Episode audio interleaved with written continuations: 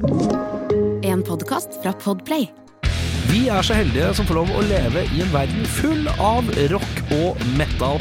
Og jeg har invitert diverse ildsjeler innenfor musikk til å komme og bable om rock og metal. Så enkelt er det. Velkommen til Metallista.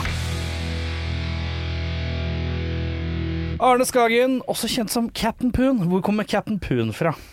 Eh, ja Hvem var det som ga deg kallenavnet? Har du funnet det opp sjøl? Hvor, hvordan? Nei, det kom av uh, helt i starten når vi hadde begynt å øve med Glucifer. Jeg tror det var før vi i det hele tatt hadde noe, for, for si, fått noe bandnavn. Ja.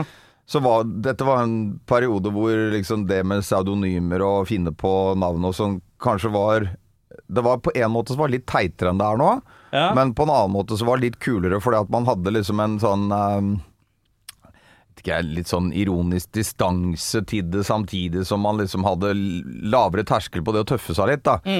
Nå er man jo så reflektert, og liksom og man må passe på å ikke tøffe seg, passe på å ikke si noe dumt, og passe på å ikke være breial. Sånn, Ja. Da var jo ting helt annerledes.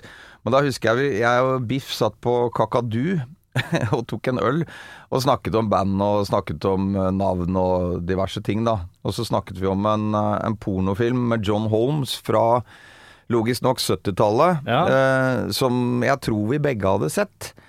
Og der kalte i hvert fall eh, John Holmes seg for Captain Harpoon i den. Ja. eh, Og så var Biff bare Hm, jeg tror kanskje at eh, Captain Poon, det tror jeg blir ditt navn.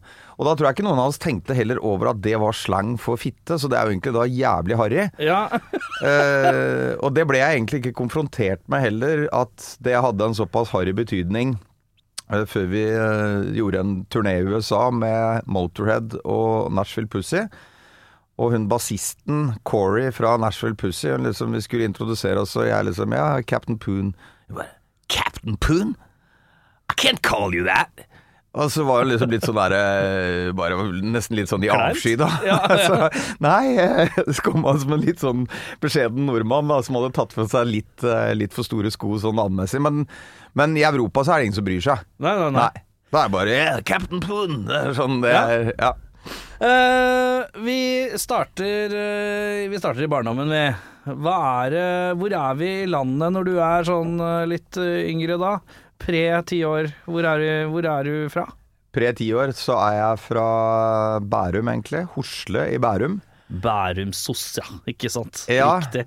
Det var jo det, Du kan tenke deg at det var et av de største kompleksene når jeg da liksom begynte å henge på Blitz sånn i 15-16-årsalderen. Det ikke sant? Og gå på konserter og, og møte folk og sånn. Og, og da var det jo veldig om å gjøre å ikke måtte touche innom at man var fra Bærum, da. Ja, ja, ja, for jeg husker jo det greiene Det var jo Altså, jeg er 36, jeg husker jo det fra min ungdomstid. At eh, Hvis du var fra Blærum, liksom. Ja, ja. Bærumsås, det, var, det ligger fortsatt i lufta, liksom. ja, det gjør det. Det er jævlig sånn negativt lada. Så jeg tror eh, Og det, det kommer det sikkert alltid til å være. Altså der hvor mye folk med mye penger slår seg til, Ja. så tenker man jo ikke på de som slår seg til der som ikke har mye penger. Nei, nei, nei. De, de på en måte De er fra Blærum uansett. Ja, ja, ja. Hva er det, du, hva er det mor og far hører på musikk uti der, da? Eh, Tidlig, som du husker fra barndommen? Eh, nei, altså min nå dessverre avdøde far, han var jo en eh, Han var jo mer sånn jazzinteressert type. Ja. Mutter'n har litt sånn at jeg Nå skal jeg, Når jeg skal på en måte rakke ned på hennes eh, musikkforståelse, så sier jeg at du har jo faen ikke hørt om Beatles engang. Og det er nesten litt sant. Ja, ok, så Ja. hun er sånn som ikke bryr seg et fnugg? Jo, hun har glede av musikk. Hun har glede av musikk, kan høre på liksom litt sånn eh, jazz og litt sånn, eh, du vet, sånn eh, klassisk sånn pen musikk å høre Ja, på som bare liksom Hun har gått på mye, mye jazzkonserter og, og, og sånt, men men jeg kan ikke si at jeg er vokst opp i et hjem fylt med musikk. Nei, det er du ikke. Nei. Har du noen søsken, da? Jeg har en storesøster. Som var hun noe musikkinteressert? Ja, hun var faktisk eh, til dels uh, grunnen til at jeg i veldig ung alder fikk opp øra for Sex Pistols og Ramones og de bandene som for mange kommer litt seinere, da. Mm. Men det fikk jeg liksom inn sånn i 12-13-årsalderen, og, og at det ble en naturlig del av fostringa sammen med all den heavy metalen og sånt Ja. man hørte på, da. Og da er du øh, hva er, det, hva er det første bandet som liksom kicker deg i balla ordentlig? Hvis jeg skal skryte, så kan jeg si at det første skiva Ok, ta skrytesvaret Ja, først, så ja. tar du ærlig svaret etterpå. Ja. Skrytesvaret er jo at jeg kjøpte soloalbumet til Paul Stanley da jeg var fem. Ja. Uh, mens den litt mer sånn virkelige greia var jo stor Duran Duran-fan i 8-9-10-årsalderen. ja. Før det gikk over i Europe. Men var det da var det, Er det liksom litt via James Bond-låt, eller noe sånt? da? eller? Nei, det var det ikke. Det var den er der eh, litt De kom med en liveskive som het Arena, Ja. som, eh, som ble veldig sånn mainstream populær. Ja. Og den uh, fikk man liksom litt uh, øra opp for når man sikkert var sånn bare 8-9-10 år. ja. Eh, men da tok det jo ikke så veldig lang tid. Som jeg sa, vi hadde en liten glidende overgang i debutalbumet til Eller ikke debutalbumet, gjennombruddsalbumet til Europe. ja. Eh, og det var også fordi at en jente i klassen min, hun var barnebarnet til han som het Gunnar Eide, som var liksom da den største sånn konsertimpresarioen. Ja. Så vi fikk jo da gå på Europe-konsert både i Drammenshallen og Skedsmohallen. Ja, for det, er det jeg tenker på. Jeg lurer på om jeg har lest en av disse her bøkene, om det er Jeg lurer på om det er Drammenshallen eller annen sånn Bråk og spetakkel fra Drammenshallen eller et eller annet sånt. Ja, flott liten, eh, eller ganske svær bok med bilder av Jeg tror jeg dokumenterer alle konsertene som har vært der. og mm. Da syns jeg husker det navnet Gunnar Eide dukker opp ganske mye. Han, han hadde jævlig mye, altså alt av liksom uh, hardrock-ting var det han som Mm. hadde sikkert pluss pluss, da. Så da ble man jo litt sånn, nesten litt sånn inhabilt glad i Europe, sikkert fordi at det var første store konserten man var på når man var da 11-12. Mm. Eh, det tok heldigvis ikke så lang tid før Europe ble feid under teppet til fordel for litt eh, bedre Rure ting kanter. som eh, har på en måte vært vedvarende fascinasjoner. Da. Den største er jo selvfølgelig ACDC. Ja, ikke sant. Ja. Uh, kjapp Europe. Europe er sånn band Jeg hører jo aldri på Europe eh, på plate. Men uh, jeg har sett det nå de siste åra et par ganger live, for de driver jo kalver innom alle norske festivaler. og Sånt. Det er noe spilleglede der som jeg syns er litt smittende. Ja, ja, Jeg ja. syns Europe faktisk er et fantastisk bra liveband. Eh, og det syns jeg er gøy, for det er jo ikke helt min kopp te. eh, og eh, låtene er ikke sånn De treffer jo meg på hit-nivå, liksom, men ikke noe sånn utover det at jeg hører på det på vei til jobb, liksom. Men det er noen band altså, som har et sånn ekstra glimt når vi spiller live, hvor, eh, hvor du liker liksom, liveband-versjonen kontra jeg hører, ikke- hører ikke så mye på albumene, Nei, men nei, det er nei. fett med en konsert med det. Ja. Og jeg syns Europe har blitt et sånt et med åra. Det er gøy, da. Ja. Uh, Nei, altså det er jo Du kan si at hvis du går liksom inn på Spotify og ser hvor mange lyttere Europe har, ja, ja, så er jo det selvfølgelig overhodet ikke i tråd med noe annet enn at Final Countdown er en låt som blir på en måte plugga i Ja, huet og ræva i hele verden. ja, ja, ja. De andre låtene er sikkert ikke en uh, promille av Nei, det engang. Men de hadde det, da. ikke sant? Som en god del sånne band, særlig da fra 80-tallet, har. ikke sant? At de har noen sånne helt gigantiske hits. ja, ja, ja. Og så baner det på en måte vei for, uh, for mye annet. Men da er det som du sier, da er det jævla kult, i hvert fall med band som En ting er at de har den hiten i baklomma som Mm. kanskje gir dem en, et, en navn og en posisjon, men at den har kanskje ikke Jeg tror ikke de har så veldig nært forhold til den. Nei, den er det bare noe som liksom må bare være en- med. Mm. Ja, bare er med, og så er det spillegleden som faktisk holder uh, skipet oppe, da. Ja, det Mm. Eh, Du nevnte ACDC. Hvem er det som viser deg ACDC? Eller hvordan snubler du over ACDC, hvor gammel er du da cirka? Uh, da er jeg tolv. Uh, ACDC Jeg husker ikke helt hvordan jeg liksom Det må vel ha vært Når jeg var i tolvårsalderen, så var jeg sånn eh, Sånn gutt som eh, fikk lov til å henge med de som var litt eldre. Ja. Og da var det vel de som var litt eldre, som sikkert hadde fått eh, øra opp for eh, ting som var litt bra. Men hvorfor hang du med folk som er eldre? Var det noen spesiell grunn til, til det? Jeg veit ikke. Det var vel at jeg syns at de eldre var ofte ganske tøffe. Jeg var jo veldig tidlig opptatt av band og, og, og begynne å spille og sånne ting. Jeg begynte, jeg kjøpte vel min første elgitar når jeg var tolv. Ja. Eh, en skikkelig ræva Hondo-gitar med en drage bakerst på uh, Bakerst på kroppen, holdt på å si. ja. Uh, og den Jeg vet ikke, det, det at jeg var jævla interessert i bandting og så jævla opp til de som spilte i band og sånn, det Ja, det gjorde vel kanskje at jeg prøvde kanskje litt å få litt kontakt med dem og liksom Ja. Du vet, prøve å hekte meg litt på det. De som er litt eldre når du driver og begynner å fikle med gitar, i hvert fall sånn Jeg husker jeg fra sånn, jeg var sånn 13-14 og begynt å få inn alle disse riffa litt i fingra som jeg syns var gøy å spille og sånn, så er det liksom Du søker jo oppover etter de som er litt bedre enn deg, og de som er litt flinkere og bla, bla, bla, og da må du gjerne opp i åra litt. Ja. For eksempel de som er sånn Ja, de går på musikklinja eh, på videregående, mens jeg er fortsatt ikke i åttende klasse, liksom, og litt sånne type ting, da. Ja, ja. Eh, For de var liksom jævlig mye flinkere, da. Og da er det sånn «Å, Han trommisen er jævlig flink, men han er litt eldre. Litt sånne type ting. Men uh, du plukker opp uh, Du plukker opp ACDC igjen. Uh, Boogie-rocken setter seg i sjela, Uh, og eh, du vil spille i band sjøl. hva, hva er første bandet?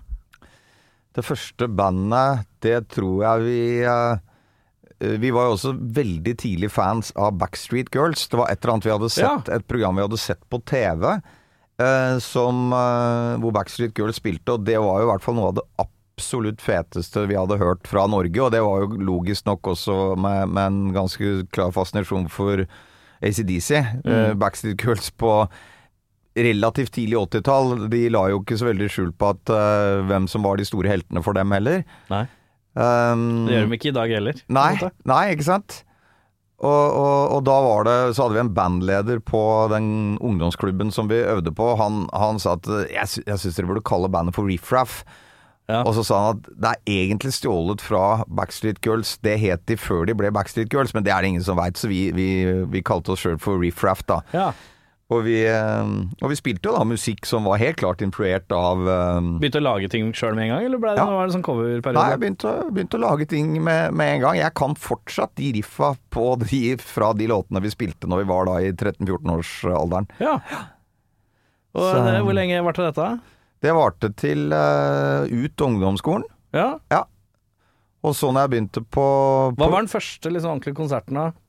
Som, første som konserten, det var vel eh, Det må vel ha vært uh, Brokkfestivalen i Sandvika på Musikkflekken. Er det liksom humor basert på en brokk? Altså, Nei, jeg jeg vet ikke om det egentlig er noe humor engang, basert fra, fra de som fant på det, men brokk er jo da en forkortelse for Bærumsrock. Å ja, ok. Ja, for jeg tenker på sånn utvekst Ja da, ja umiddelbart. Brokkrock. Ja. Ja, eh, men eh, Ja, eh, hvordan var det din første konsert? Hvor nervøs var du? Jeg husker enda at jeg var veldig, veldig nervøs. Og det husker jeg enda også fordi at jeg fortsatt er ganske nervøs før vi skal spille konserter. Jeg Du har er det? Ja. Jeg har fortsatt mye av den um, Nå har jeg ikke den irrasjonelle nervøsiteten som jeg kanskje hadde da, Ja. men, eh, men at jeg har en uh, framtredende nervøsitet eh, i forbindelse med konserter, det, det har Men det er så spesielt, fordi at eh, jeg, jeg tror de fleste ser vel på deg som den mest breibeinte i Glua. Mest, ja, men han som ser ut som han har mest selvtillit, og så er det det er kallenavnet som er kanskje det mest breiale i bandet. Altså, det er et eller annet som er litt Jeg i hvert fall, for min del, har oppfattet av deg som den minst uh, bekymra for å Altså den minst nervøse i bandet. Ja. Uh, så det syns jeg faktisk er ganske fascinerende. Hva slags, Hvordan er det du blir nervøs nå fortsatt? da? Nei, altså jeg har, jeg har jo Hva Er, et- er, er det, eller, men er det den derre 'jeg er redd for at den trådløse packen min ryker', er det bekymringer? Eller er det Jeg sånn derre har jo da heldigvis ikke noe trådløst som jeg trenger Nei. å bekymre meg for, men, men nei, jeg, jeg veit ikke. Jeg, jeg, Er du redd for det tekniske, eller er det nervøsitet for det, er, folkemengder? det, er, det er nok nervøsitet for å drite meg ut. Jeg har alltid vært en ganske um, jeg har alltid vært en person som har vært jævlig redd for å drite meg ut. Jeg har Ja. ikke vært eh, Jeg kan på en måte Jeg kan drite meg ut og by på meg sjæl der hvor jeg på en måte føler at jeg har kontroll på situasjonen. Ja. Men i situasjoner hvor jeg ikke har på en måte føler at jeg har kontroll, da er jeg veldig redd for å drite meg ut. ja, fordi den flauhetsgreia, den er så beinhard, liksom? Ja. Ja. Altså Hvis du ser meg for eksempel altså, Hvis jeg hadde sklidd og snubla foran ti personer som sto og venta på bussen, så hadde jeg bare lett etter et stort svart hull som jeg kunne synke ned i. Ja, men det, det tror jeg de fleste gjør. Men jeg ja, kjenner også på den at det er Å, fy faen. Uh, den, Ja, men den følelsen av å ikke vite hva du gjør, skal gjøre når du har driti deg ut, og den tom Den derre å, fy faen. Og smerten av hva som har skjedd, hvis det er et tryn f.eks., Ja. har ingenting å si. Det er flautfølelsen flauhetsfølelsen som dominerer. Og det, den, og det er kanskje den det er Sikkert mange som kan kjenne seg i den følelsen akkurat å tryne, for det er hjelpeløst. Men den mentale følelsen da av ja, ja. å tryne liksom i veldig mange situasjoner hvor jeg skulle ønske at jeg bare Herregud, drit vel i det. Ja, Hvilken ja. rolle spiller det? Herregud, hva tenker de om det? Hva, ikke sant? Altså, der er man ganske ulik, da, hvor mye du bryr deg om hva andre folk tenker. Ja. Og, og det tror jeg nok er mye sånn som er med meg. Jeg har heldigvis klart, etter at Glucifer ble, ble, ble gjenforent, så har jeg klart å få vekk en del av det. Ja. Eh, men jeg er sånn som kunne stå liksom og se på, la oss si at du har et eh, publikum foran deg på f.eks. 1000 mennesker. Ja. Det skal egentlig være nok til at du ikke trenger å prøve å stifte bekjentskap med hvert enkelt ansikt som Ja, står ja, ja. i den crowden. For da er, det, da, er det, da, er det, da er det massen. Da er det massen. Ja. Og, og da skal den massen sånn sett være stor nok til at du ikke trenger å tenke på ja, men han som står midterst eh, i det som er liksom kanskje rad ti, han ser ut som han kjeder seg litt. Ja. Altså, jeg skal ikke tenke på Nei, det. nei, nei. Men hjernen min, hodet mitt, den går veldig mye mot sånne ting hele tiden. Ja. Og som du sier at hvis du eh, som en bystander i det tilfellet ser på meg som en person som kanskje den som er mest uredd og breial og Ja, ja. lite bekymra, liksom, så er jo nok det sikkert en rolle jeg har blitt veldig god til å spille. Ja. Men, eh, men eh, den er nok ikke helt i tråd med Ja. det som foregår på innsiden av det huet her, da. Jeg har sånn, jeg, greia mm, som jeg stresser meg mest, er før gigen så er jeg mest bekymra for øh, Jeg er mest bekymra for fordi at jeg spiller jo i sånne små skrangleband, ikke sant, så jeg er bare alltid sånn herre La det være mer enn liksom 30-40 mennesker, i hvert fall. Så, jeg får, så det er ikke jeg er sånn ti stykk, og du bare føler at det er wasta øh, noen sin tid, på en måte. Et eller annet sånt øh, Eller øh, sånn her glissenhet er liksom min store nervøsitet før. Og hvis så fort jeg ser at det er mer enn 40-50, så er det da er jeg helt avslappa. Da kan jeg spille dritt, jeg kan flire midt jeg kan glemme tekst. Gi faen. For da klarer jeg å kose meg, for da vet jeg at det faktisk er noen Det er et eller annet øh, Jeg veit ikke. Da føler du at du har æren i behold. Det Ja, på en eller annen måte. Det er rart. Jeg veit ikke. Nei. Men øh, ja. Nei, så interessant. Jeg har alltid sett at tenkt at han der øh, Men han der Han der der er liksom han med mest selvtillit. Det er interessant, faktisk. Mm, Eh, ja, Riff Raff ruller og går uh, ut ungdom, ungdomsskolen, Mm. og så uh, faller det fra. Hva skjer så? Det som eh, skjer er vel egentlig at da eh, når man gikk fra ungdomsskolen og over på videregående, så begynte det kanskje å bli litt eh, Litt Det begynte å krystallisere seg kanskje at Bærum ikke var helt eh, det optimale stedet for meg. Nei? Selv om på ungdomsskolen og sånn så hadde man mye til felles med folk at man uh, digga hardrock. Veldig mange på min ungdomsskole som var hardrock-fans, og at man gikk med ryggmerkene sine og kjørte de sure mopedene og liksom uh, Nesten litt sånn bygdersaktig. Ja. På videregående så krystalliserte det seg kanskje litt mer hvor man bodde hen. Mm. Eh, og da ble jeg kjent med en del folk som gikk på en annen skole i Bærum, men som var liksom litt mer sånn frikete, som het eh, Nadderud gymnas. Mm. Eh, og de folka jeg ble kjent med der, de hang mye på Blitz. Gikk mye på konserter og sånt der. Eh, og så begynte jeg å være med dem på konserter, begynte å være litt i, i byen og, og se at det var ikke bare Broch-festivalen man kunne høre band. Ja, ja, ja, det var andre steder også, og, og så begynte jeg da å spille i et eh, hardcore-band sammen med noen av de gutta. Et band som het Angst. Ja. Eh, det var et band som blei litt sånn populært i Blitz-kretser. Altså Vi ble liksom litt kompiser med alle de banda vi så veldig opp til i Life But How To Live It og So Much Hate og Stengte Dører og de bandene der. Eh, so Much Hate tok også Angst med på en europaturné. ja. Så når jeg var 18 år, så slutta jeg på videregående. Hva var det du gikk på videregående, forresten? Hva sier du? Hva var det du gikk på videregående? Hva var planen? Eh, planen var vel bare at eh, det var bare noe man gjorde. Ja, ikke sant. Du gikk allmenn eller et eller annet, eller? Gikk allmennfag. Ja. Og så hadde jeg jo begge foreldra mine var jo lærere. Ja, Eh, det er drømmen for to lærere å høre. Du, jeg skal slutte på videregående. For jeg skal spille blitzpunk og hardcore rundt i Europa. Ja. ja. og, og som vi var inne på Sang dere på norsk? Ja. Fortsatt en tur rundt i Europa på norsk, ja. Det er gøy. Ja da. På den litt mer sånn der eh, squat-scena i Europa, så tror jeg ikke det spilte så mye rolle om du sang på norsk eller gresk, så lenge du på en måte var en del av en kultur og en scene og ja. litt aggresjon og, Ja. og sånt. Um, og eh, da husker jeg Da ble jeg tilbudt ganske mye penger av foreldra mine for å på en måte da gå ut det tredje året. Hvor mye penger var det snakk om? Jeg mener å huske at det var 70 000. Og På det den jo tida er jo Det er 140-150 sikkert nå, det, da. Eh, hvis man eh, ja, snur det om ja, litt. ja, ikke sant? Så, så det er jo helt klart, når jeg tenker tilbake på det, at jeg må ha vært ganske sånn målbevisst og klar i mitt valg på at Ja, ja, Det, det var jeg ikke noe særlig hypp på. Nei. Eh, Så det lagde jo selvfølgelig ganske, ganske dårlig stemning på alle mulige måter eh, hjemme, og det gjorde vel også at jeg på en måte kanskje distanserte meg veldig fra Jeg distanserte meg vel egentlig fra alt som hadde med Bærum, opphav, alt mulig sånt å gjøre fra jeg var kanskje 16-17 år, og det Ja. gjorde jeg egentlig ganske mange år. Ja. Mm. Og åssen øh, gikk den europaturneen, da? Det gikk eh, bra. Det var jo en ganske kul opplevelse for en eh, 18-åring som eh, ikke hadde gjort så veldig mange ting på egen hånd før. Og, Ja, det er varebilen, liksom. Rundt. Kjøring. Ja, Ja. vi hadde jo Vi hadde jo det som de eh, de på en måte litt sånn mer voksne Blitz-banda hadde. Det var jo da å leie en sånn van med noe hems bak hvor du kunne ligge og kulene og sånne ting. Ja, ja, ja. Så vi var da liksom begge bandene, da, Angst og So Much Hate, som var vel Det var vel ikke noe lang tur, to og en halv uke eller ja, Ja, ja. rundt der. Eh, men det gjorde jo også at, eh, at um, jeg fikk jo en sånn der veldig sånn der indre guts og drive på at uh, dette her var noe jeg var veldig hypp på å gjøre.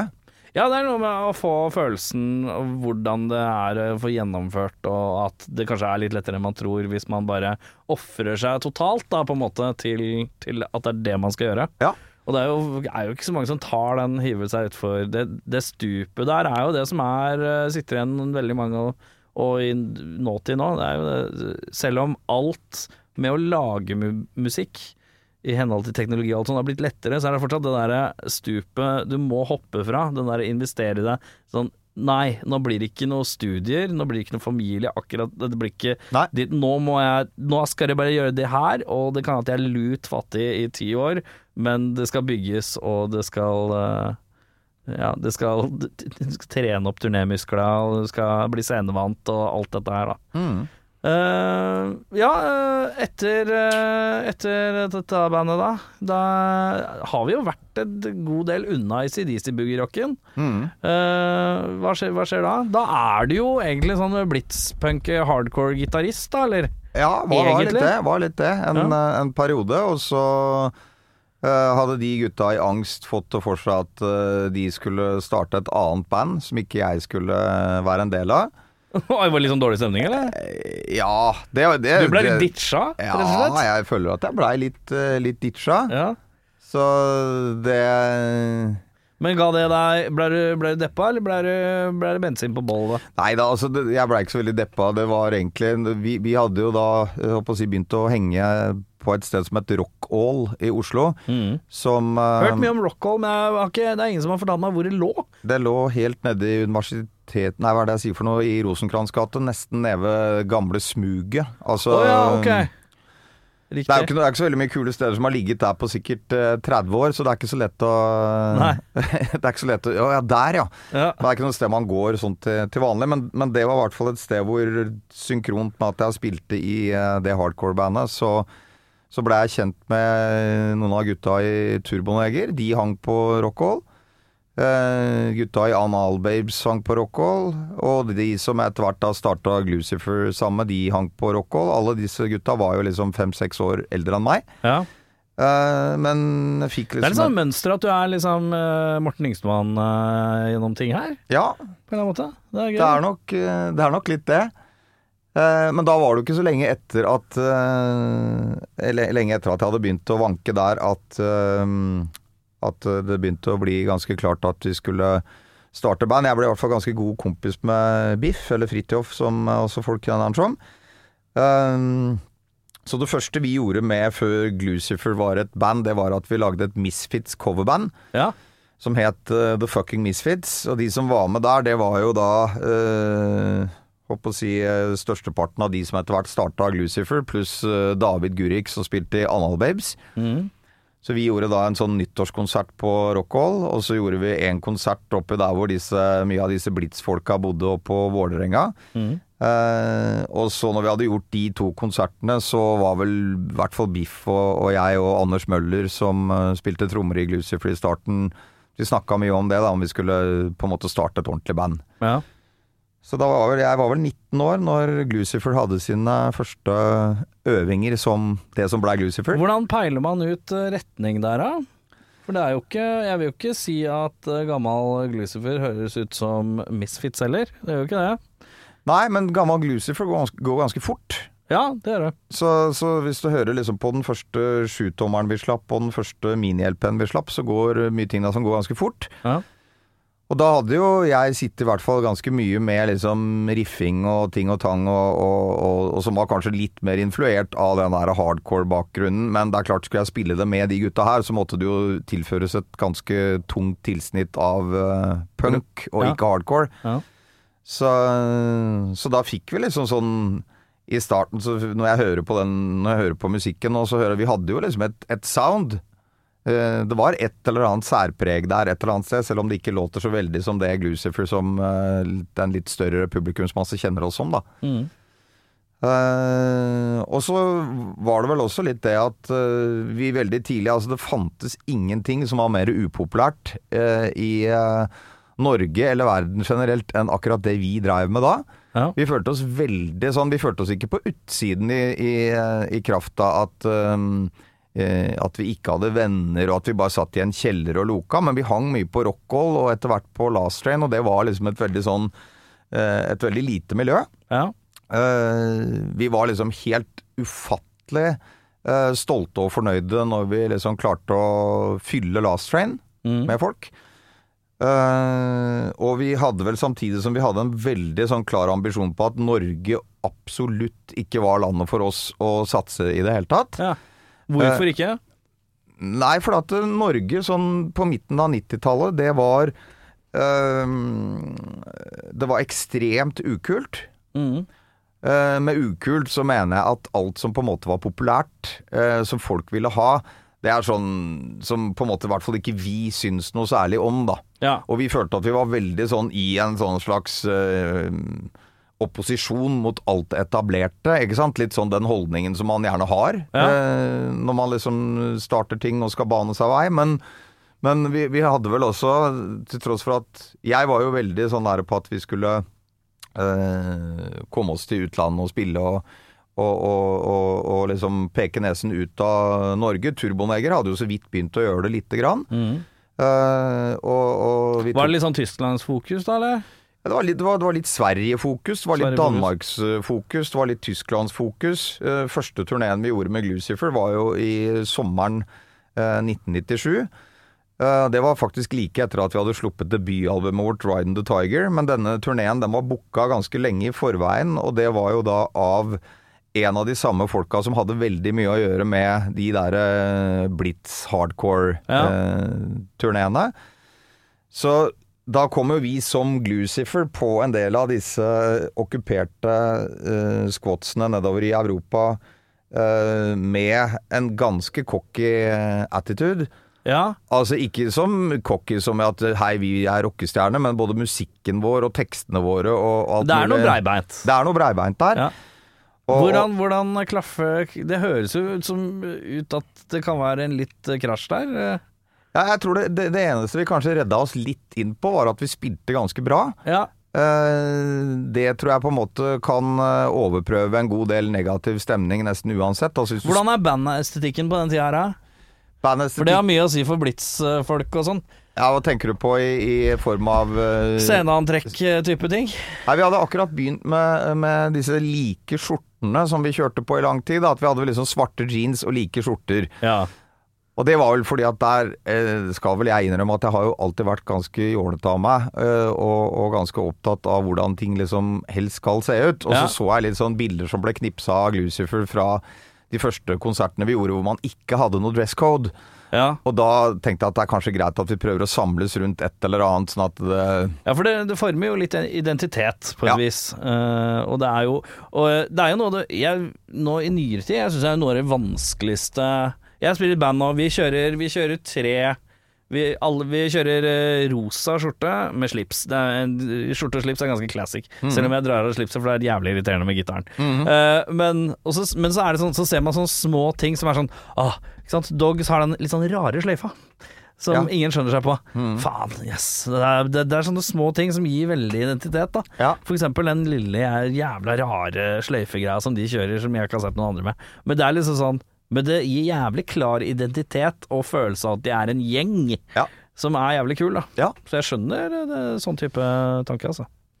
Det, og det var jo litt eh, Det skal man også si at det var jo lettere for såpass mange år siden å føle at man fant på noe originalt Ja, enn det der nå. Det er ikke sikkert det var så originalt, men følelsen av at det var originalt Ja, ja, ja. ja. Nå føler man at absolutt alt du gjør er liksom helt pult i stykker før du i det hele tatt liksom ja, kommer til poenget, da. ja, ja.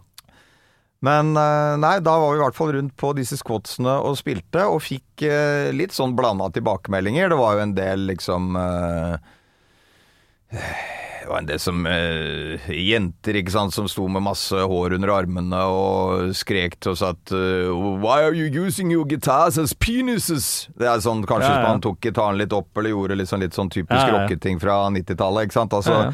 Hvor, hvor terskelen for å gå over streken, den var ikke så veldig høy. Nei, det er det jeg liksom har Dette høres eh, ut som det jeg ser for meg. Ja. Ja. Eh, og så hadde vi Men vi hadde jo da allerede blitt signa til White Jazz, som var det samme plateselskapet som Hellacopters eh, ga ut sine første skiver på. Så hun som var da promoansvarlig for uh, Tysklandsreleasen av den skiva, hun skjønte jo ingen verdens ting av den turnélista. Hun hadde jo gått inn og sett hvor vi spilte den. Ja. Og dette var jo bare steder hun ikke hadde hørt om i Tyskland, og i hvert fall ikke klubber hun hadde hørt om. Nei. Så hun uh, skjønte jo ikke hva vi dreiv med i det hele tatt. Så hun måtte liksom For prøve dere å få hadde booka det sjøl, da? ja, Ja, ja. Via de, disse ja, ja. Blitz-kontaktnettverket, da. ja. Eh, og så var jo men, men derfra, altså fra den sommeren 97 hvor vi gjorde den turneen, til den første turneen vi da gjorde i januar 1998 sammen med Hellacopter, som var en femukers europaturné hvor man hadde en toetasjes buss, ja. den var jo helt enorm. Altså, ja det er en forandring. Ja. Det Jeg tror ikke jeg Men var det litt på grunn av hun, hun dama da, som du nevnte i stad? Hun som ikke skjønte at dere har spilt på sånne små steder, mente kanskje at dere burde spille på større steder da? Nei, jeg, jeg tror vel egentlig det bare var en kombinasjon av at, at Helicopters de hadde jo i, i Sverige begynt å få litt eh, vind i seilene. Eh, og de, den vinden den hadde jo begynt å også bevege seg litt grann sørover. Eh, og så er jo svenskene, og særlig på den tiden Altså i forhold til nå har jo Norge egentlig blitt en ganske etablert musikknasjon som har eh, mye flere artister enn det man tenker over på, Ja, ja. på internasjonalt relevant nivå. Ja. Det hadde vi ikke da. Nei.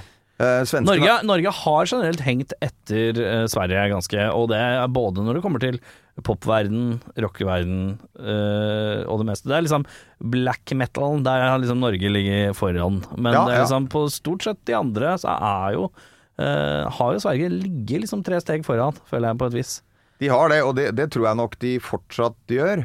Eh, men det er på en måte Det er ikke like synlig nå. Nei, nei, nei. Eh, fordi at hvis, du- hvis du tenker at de bandene som blir kjempestore i Norge, da eh, Hvis du tar liksom Turboneger når de var på sitt hotste, så mm. var jo det et kjempestort band i Norge. I svensk målestokk så var ikke Turboneger et veldig stort band. Nei, nei, nei. Du har litt samme som Kvelertak også, i norsk sammenheng. Et kjempeband, ikke sant, Mm. som eh, appellerer til hardrock-fans, heavy metal og rock'n'roll og punk og alt mulig, liksom. Men i Sverige så har de i hvert fall 20 band som er ti ganger større enn Kvelertak. Mm. Så, så, så det er, men, men det gidder jo ikke vi, og det er jo ikke så man gidder å tenke på. Man jo Nei, nei, nei. på måte, man tar jo de tingene man ha, har nært og holder nært. Mm. Uh, og, og, og i dag så er det jo, som jeg sier, i, i, uh, i hele liksom uh, sjangerspekteret av musikk, så har jo Norge masse artister å, å, å vise til som har stor suksess masse andre steder enn her. Mm. Men, men, men tilbake til, eh, til 90-tallet så var det jo ikke sånn. Nei, nei, nei. Så, så det at eh, man dro av gårde da på en, eh, en, en svær turné i Europa med et ordentlig crew, det visste vi jo nesten ikke hva var engang. Bare her, vi skal ha en egen fyr som gjør monitorer. Det var liksom to sceneteknikere. Det var liksom en turnéleder som var veldig streng. Som holdt veldig kustus på crewet, og de fikk ikke lov til å røyke bønner, og de fikk ikke lov til å drikke noe særlig. Ikke sant? det var helt sånn merkelig. Litt sånn eh, Det var da fælt så proft det plutselig blei nå, aktig. Eksakt. ja. eksakt. Eh, og det, det tror jeg eh, faktisk ganske tidlig i hvert fall etablerte seg hos, hos meg, er at um, det er veldig fint å ha med seg flinke folk. Ja. Men hvis det er liksom handler om at ting skal være så jævla proft Vi har jo vært og turnert med masse band. Vi har jo sett hvordan mange andre band har på en måte styrt tingene sine, hvem de har hatt med seg rundt og alt mulig. Ja. Vi har alltid vært veldig, veldig nøye på å ha med oss folk som vi faktisk har det ganske kult sammen med. Ja. Uh, Og de få gangene vi har gjort ting hvor vi ikke føler at vi fungerer så godt sammen med de folka, selv om de da er kanskje mye flinkere enn Ja, ja, eh, andre, så er ikke det, det Det lar vi på en måte være litt sekundært, da. Kje kjemien i et godt crew er egentlig viktigere enn Kjemien og lidenskapen i et crew er viktigere enn det tekniske talentet, på en måte. Ja. Ja. Det, det er det helt klart. Og, og det som også er Men det har noe med, ikke sant Du må kunne snakke med eh, Du må kunne liksom Kunne være helt avslappa og snakke som deg sjøl med uh, tekken din, gitartek, med, med de som styrer monitoren, med lydmann. Uh, kunne si ting som det er, ikke måtte liksom danse rundt grøten eller være uh, At det, man Nei, er altså, på mest- bølgelengde, da. Mest av alt at hvis du gjør jobben din, så kan du gjøre akkurat hva faen du vil. Ja, Det, er liksom, det må være liksom regelen. ja. ja. Om det betyr at du øh, har lyst til å gå og legge deg klokka tolv på kvelden, så må du gjerne få lov til det. Ja. Men har du lyst til å gå helt bananas fram til klokka åtte om morgenen, så kan du også gjøre det. Så lenge du gjør jobben din. ja, ja, ja. Og det er liksom Det er det som kanskje blir litt sånn dumt med en del sånne der proffhetsgreier. At det, at det legges så mye fokus på hva folk gjør når de ikke gjør jobben sin. Ja. Istedenfor å tenke på gjør vedkommende jobben sin bra. Ja, ja, ja. Ok, men da gidder vi ikke å plukke noe borti det. Nei. Men det synes jeg høres ut som en sunn mentalitet, jeg. Ja. Lucifer ruller og går, det bygger seg opp, det bygger seg opp. Eh, soundet blir uh, det, Tempoet går litt ned, men det er fortsatt rocka. Det blir til dels nesten litt poppa tidvis. Eh, uten at det skal være et ukvemsord, men at man får litt mer uh, man får litt mer låter som er lettere å fordøye og catchy, og det er kanskje bare en naturlig progresjon av det å bli eldre og bli en bedre låtskriver. Eh, hvordan er låtskriverprosessen i Glu når, eh, når Danny har kommet inn, Radio har kommet inn, alle er liksom på plass og dere har vært sammen i noen år. Hvordan, er, eh, hvordan har liksom generelt eh, låtskrivinga fungert i GLU? Låtskrivinga generelt, den vil jeg jo si at fram til eh, tredje albumet vårt, 'Tender Is Savage', som kom i år 2000, Ja. Så øh, øh, var det nok jeg som sto for veldig, veldig veldig mye av det som på en måte var riff og liksom låter. Altså Ja. bare, bare musikken. Ja. Biff har alltid skrevet tekstene og sånne ting, men det var veldig mye at jeg kom med et riff. Ja. Og så øh, gjerne da med en bro og et refreng og, og det som på en måte hører til. Og så arrangerte vi det sammen. Mm. Eh, og så når vi Hadde vi en litt sånn vanskelig eh, periode etter Tender Is The Savage, for vi hadde jo en eh, håper å si brudd med både plateselskapet vårt i Europa og, og Sub Pop, som vi nettopp hadde signa med i USA. Eh, og da var vi litt Som er et interessant label i forhold til sjanger, eh, tenker jeg. Eh, aldri tenkt på det som et subpop-band.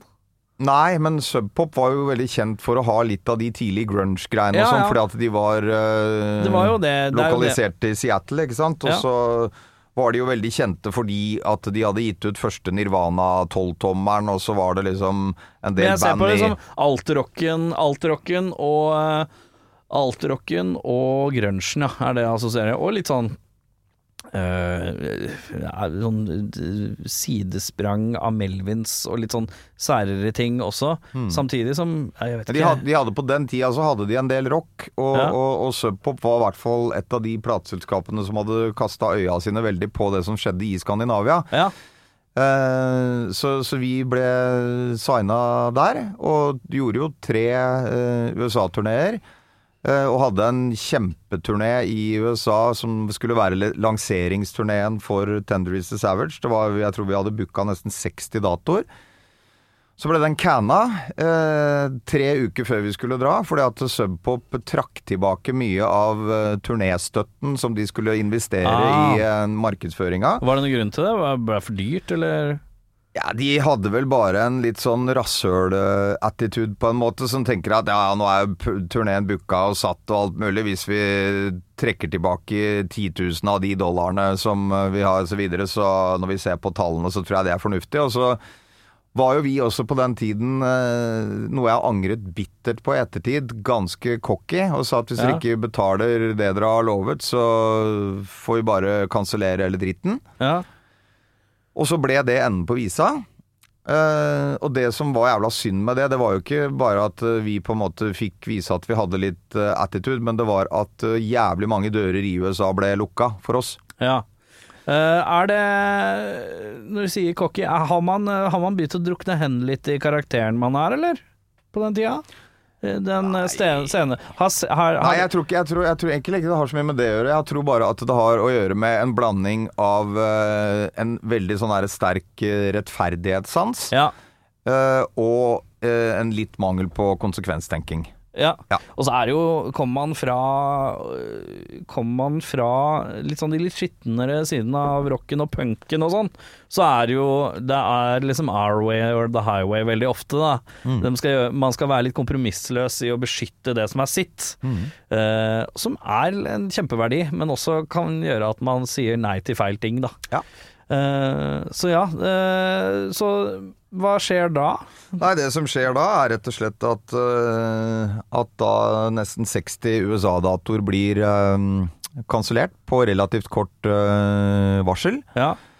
For da skulle dere turnere mer med Tender, ikke sant? Ja, det, Ja. Var, det, det var det som var på en måte hele lanseringsturneen av Tender is Savage. Og den var jo eh, vi, vi hadde jo egentlig en ganske ok flyt i, eh, i USA. Mm. Vi hadde allerede gjort noen turneer, og vi hadde fått en god del fans der borte. Og som vi den, den dag i dag har. Fortvilede amerikanere som uh, roper om at vi skal komme hit og dit, og at vi, noe, hvilket vi kanskje aldri kommer til å gjøre. Jeg vet ikke. Ja, ja.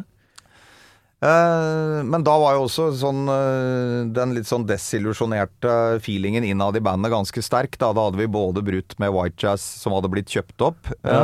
her i Europa, og, og, og subpop i USA. Og da var vi nok litt der at ok, gidder vi å holde på med dette her lenger? ja, ikke sant? Ja. Eh, Da hadde vi holdt på i syv år, og vi hadde gjort masse ting og syntes eh, vi hadde fått til mye fett og alt mulig, men da var vi liksom ok, hva er det som på en måte gjør at vi skal fortsette nå? Ja.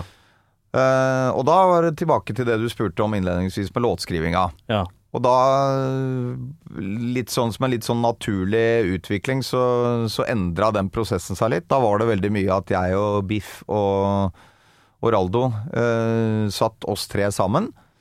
Eh, og, og jobba ut låtideer og, og, og ting på en litt annen måte enn at jeg kommer med et riff, og så lager vi på en måte mus musikk og bygger rundt det. Uh, og det tror jeg alle liksom syns var ganske forfriskende, at vi syntes det var ganske gøy. Vi hørte også at låtene ble annerledes. Ja, har du som da litt sånn primær uh, riff-general eh, Får du Har du noe sånn litt sånn det noe, Ligger det noe angst i å slippe opp der, eller gikk det helt sømløst? Nei, det For det er jo noe med å være, føle at man er den som liksom lager låtene litt sånn Kommer med fundamentet litt, da. Til Ja. å liksom Og det er jo en jævlig deilig følelse. Uh, når man ser det kulminerer slik man skulle ja, Det var det jeg så for meg, aktig Ja, ja, ja, setninga, ikke sant? Til å åpne opp den døra etter, eh, etter en stund, da.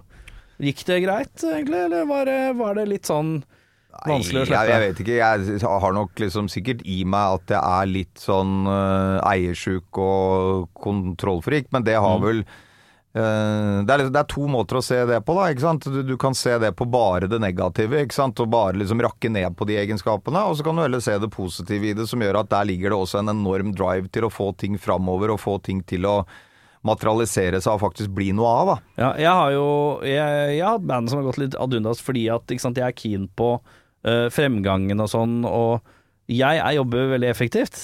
Uh, og ting går jævlig fortere hvis jeg gjør, står for det, men hvis det er sånn totalt demokrati, så går alt mye treigere, og så blir jeg frustrert av det.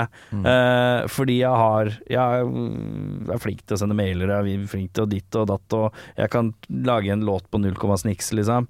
Men uh, så, så uh, ting går liksom litt raskere, på en eller annen måte. Ja. Eh, og litt sånne type ting. Og jeg liker jo effektivitet, og jeg liker at fremgangsfølelsen, da. Mm. Uh, og så kjenner jeg at når jeg skal lage med noen, så går det jo treigere, men så blir det kanskje et bedre resultat da. Uh, men Så jeg Ja, det er litt derfor jeg spør. For at hvis man er vant til å være primær riffmotor, da Mm. så, Men det, det høres jo ut som det har gått greit, det, da. Ja da. Det, jeg skal overhodet ikke stikke under en stol heller at det har også gjort uh, musikken mye bedre. Jeg Ja. syns at uh, det er de uh, de tre hodene som sitter der og koker sammen ting, og som etter hvert tar med ting til en til en flink trommis, holdt på å si, har, har, lagd, lagd bedre låter. Mm. Holder lenger. Jeg syns det er mye mer interessant å sette på Basement Tapes og Automatic Thrill enn jeg syns det er å sette på Tender Is a Savage, for eksempel. Men um... Men det er jo eh, For det skjer et eller annet skifte der med basement utover. Det er jo Det virker som det er en utrolig At eh, det blir mye bredere uh, og mye mer Bare, bare liksom uh, Easy Living i seg selv er jo en rar Det er en rar låt. ja, rar låt. Ja. Det, det, det, er eh, tekstuelt lyrisk, det er snodig, bass Altså, det høres jo helt annerledes ut. Og uh, jeg bare føler at det Og Automatic Thrill Vibben av det er jo det, det, vi er mye mer alternativt, da. Mm. Uh, som er kjempegøy. Hvor, hvor det blir vanskeligere å sammenligne med noe annet igjen, da. Som er jo egentlig det feteste. Mm. Og ikke kunne bli sammenligna med noe. Mm. Eh, så dere går inn i Men ja, uh, bestemmer dere for å fortsette. Mm. Låtskriver uh, Duoen blir til en trio på et vis. Ja, det kan du si. Eh, og så begynner vi å jobbe med produsent. Altså en ordentlig produsent. Vi hadde jo på Tender Is Savage så jobba vi jo med Daniel Ray, som var låtskriver og mye produsent for Ramones. Mm. Eh, men han var på en måte mer en sånn Dyr? Nei. Nei. Nei. Ikke noe spess. Nei. Han kom over fra New York til, eh, til Malmö, hvor vi spilte inn det, den skiva i det studioet til Cardigans-folka som holdt Ja. til der. Eh, det, det er også litt sånn rart hvis man ser sånn tidsmessig, da. At sånn som i, i dag ville jo jeg synes det vært mye mer big deal å jobbe med eh, produsenten til Ramones enn Ja. det jeg syns nå, enn det jeg syns da. Ja, ja, ja. Da tenkte jeg ikke så mye over det. Bare ja, ja, han, ja, han har jo liksom skrevet Han har skrevet faktisk noen av de kuleste Ramones-låtene, men eh, Men, øh, Men sitt forslag var det? å bruke han? det var plateselskapet i Sverige. Ja, ikke Mm. sant. Eh, men, øh, men han var jo på en måte hadde en mye mer passiv rolle. Når vi begynte å jobbe med Basement Apes, så skulle vi egentlig jobbe med en som etter hvert er en veldig, veldig kommersiell musikkprodusent, som heter Espen Berg. Mm. Eh, men han sa at dette blir kanskje litt for rocka for meg, men jeg har en som dere kanskje burde jobbe med, en som heter Kåre Vestreim. Mm. Og da kjente vi han så vidt fra et sånn band som het Locomotives, som ikke vi syntes var sånn kjempekult uh, rockeband. Hadde kanskje litt sånn der Og det er ingenting som får tips om ja, det er fra en kis fra et døvt band. Å, det er gøy! Ja, ja, ja. Det ble, Det var litt den feelingen man, man fikk da, men som etter hvert som vi begynte å jobbe med Kåre, så skjønte vi at han hadde jo masse, masse musikalsk uh, kunnskap å tilføre bandet. Ja, ja, ja. Eh, og det er ikke det at han satt og skrev låtene for oss, men han hadde jo veldig mye med å gjøre med hvor ting ble lagt, og pålegg som ble gjort, og hvordan liksom soundet på Basement Apes etter hvert ble. Den skiva er jo sånn når man hører på det i ettertid, der hører man at det er et band som har fått veldig liksom freepass free pass i godteributikken til å bruke andre ting enn det de har brukt på tidligere skiver. Og det er kanskje tidvis litt i overkant at når man hører på det nå, altså ja ja, ok. Men, men det er en naturlig del av greia det også. Man skal jo tilføre nye ting og prøve å ha det litt, uh, litt gøy med det man gjør, og prøve å liksom bryte litt ut. ja. Uh, den skiva fikk jo Det var jo på en måte litt Vi hadde jo liksom en litt sånn gjen- gjennombruddslåt i Norge som var I Got a War. ja, ja, ja. eh, som var fra Tender Is The Savage, men på Basement Apes så ble vi jo på en måte et litt mer eh, I den grad vi kan kalle oss et household name i Norge. ja, ja, ja. Eh, så ble vi jo det på den skiva. Ja, for da begynte det Da husker jeg jævla tydelig, ikke sant. For det eneste videoene jeg, jeg, var, jeg er litt sånn musikkvideogenerasjonen, eh, og da er liksom Jeg husker hva faen var det jeg setter ved og sånn. I Got a War-videoen husker jeg. Mm. Eh, Jeg vet ikke om det var noen flere videoer fra den skiva. Det var kanskje én Nei, fra den skiva så var det bare den. Det var ikke noe Ducktail Heat. eh, Nei. Det var ikke det. Og så husker jeg den eh, skiva etterkom, og da var det lurer på om var det Easy Living først, da. Ja. Som jeg husker, med noe lyd, noe dansegreier. Var, men låta var sånn Ok, her er det VM i catchy. Dette liker jeg. Ja. Og så var det jo eh, Var det noe på reversed? Nei, det var det ikke. Er det ikke noe som heter reversed? Nå driter jeg kanskje ut. nei, ja, det er det. Det er en uh... Det står stille. Det er lenge siden jeg har hørt på den plata, men Mhm. jeg, jeg husker liksom låtene. Og så var det den eh, litt rolige Det nærmeste jeg føler jeg kan kalle det en ballade. Eh, Ja, det var låt som het 'Losing End'. Ja, 'Losing End'. Ja. Den husker jeg også hadde en musikkvideo. Begynte å Mm. rulle litt videoer da, på, på der. Og jeg husker den skiva der. Husker jeg hørte jævlig mye på. Hadde den på minidisk. La den Mm. Ja. over på minidisk. Oh, ja. Kjøpte CD-en, måtte rippe det og legge det på minidisk. Jeg tror det var akkurat i den minidisk-fasen. Uh, så ja, husker jeg, og da husker jeg at jeg tenkte at uh, For jeg hadde Tennis Savage fra før. Uh, og så husker jeg den her kjentes For jeg er sånn altrocker, Mm. så den traff meg så jævlig mye bedre. For jeg tenkte sånn Her er det Det kjennes som lekent ut, da. Og Mm. det matcher i forhold til det du sier, at uh, noen har fått lov å leke litt mer, da. ja, absolutt. Absolutt. Uh, ja, og den skiva, den, den, den åpner, åpner den litt dører igjen, eller? Den åpner og lukker litt om hverandre. Vi, Ja. vi fikk jo da sånn, ikke sant Man eh, er jo alltid veldig glad i å kødde med tyskere. Ja. Eh, og, og det er jo veldig sånn typisk også blant særlig tyske musikk, særlig sånn rock- og punkfans og sånn, at de liker jo alltid det som færrest liker. Ja. Ikke sant? Hvis det er flere som hekter seg på, så er det negativt med en gang. ja. Så vi hadde jo da blitt signa til et uh, veldig, håper å si, veldig stort, men veldig døvt uh, plateselskap. Som het SPV. Okay. Som Ja Nei, jo, ja. Nei, jeg- jeg SPV var egentlig et, et selskap som hadde tjent veldig mye penger på å signe veldig mange av de bandene som var kjempestore på 80-tallet, men etter Mm. hvert som 90-tallet kom, så ble jo da suksessen avtagende. Mm. Men de hadde jo fortsatt, alle disse bandene som hadde en avtagende suksess, hadde jo allikevel en kjempestor fanbase. Ja. Så for å ta et eksempel, da, Judas Priest var Ja. jo på SPV. Men er, hadde de noen sånn underlever som et Steamhammer eller noe Ja, sånt? ja. og det var den vi, vi var signa på. Ja, ikke sant? Så vi var jo da signa der sammen med Motorhead, for eksempel. Ja, for det husker jeg de var innom de greiene der, ja. Ja. Uh, så, Og det har jeg alltid tenkt, tenkt, på, tenkt på som et veldig tysk label. ikke tenkt på? Nei, jo, tenkt på det. Ja, tenkt på som en veldig, Ja, Det var en ja. veldig tysk label. Ja, ja. Og, og det var en, en tysk label, men altså de hadde jo Vi var jo eh, I den perioden hvor vi skulle bli signa dit og sånn, så var vi jo på en måte på møter og sånt i Mm. For vi hadde jo ikke noen manager, vi gjorde vårt eget management. Hvem var det som dro på møtene? Nei, det var jeg og Biff som dro på møtene. Ja. Ehm, og da var det jo liksom i Hannover, ikke sant, med et sånn der eh, svært, litt sånn industrielt eh, bygg hvor det sto noe liksom typiske liksom eh, eh, direktør-Mercedeser parkert utenfor, Ja, ja, ikke sant, og, og, og hilste på folka der og alt mulig, så du skjønte liksom ok, dette her er jævla døvt, men det er to ting de har, de har mye penger, Mm. Og de har et uh, apparat som i hvert fall gir muligheten til å, å, å suge tak i en publikumsmasse som vi kanskje ikke har vært i kontakt med før. Mhm. Eh, og det fikk dem til til dels. Jeg tror nok hvis man skal se, se i sånn der, uh, litt nerdete retrospekt, så var kanskje ikke Basement Apes den absolutt sånn fulltrefferskiva vi kunne kommet med uh, til SPV.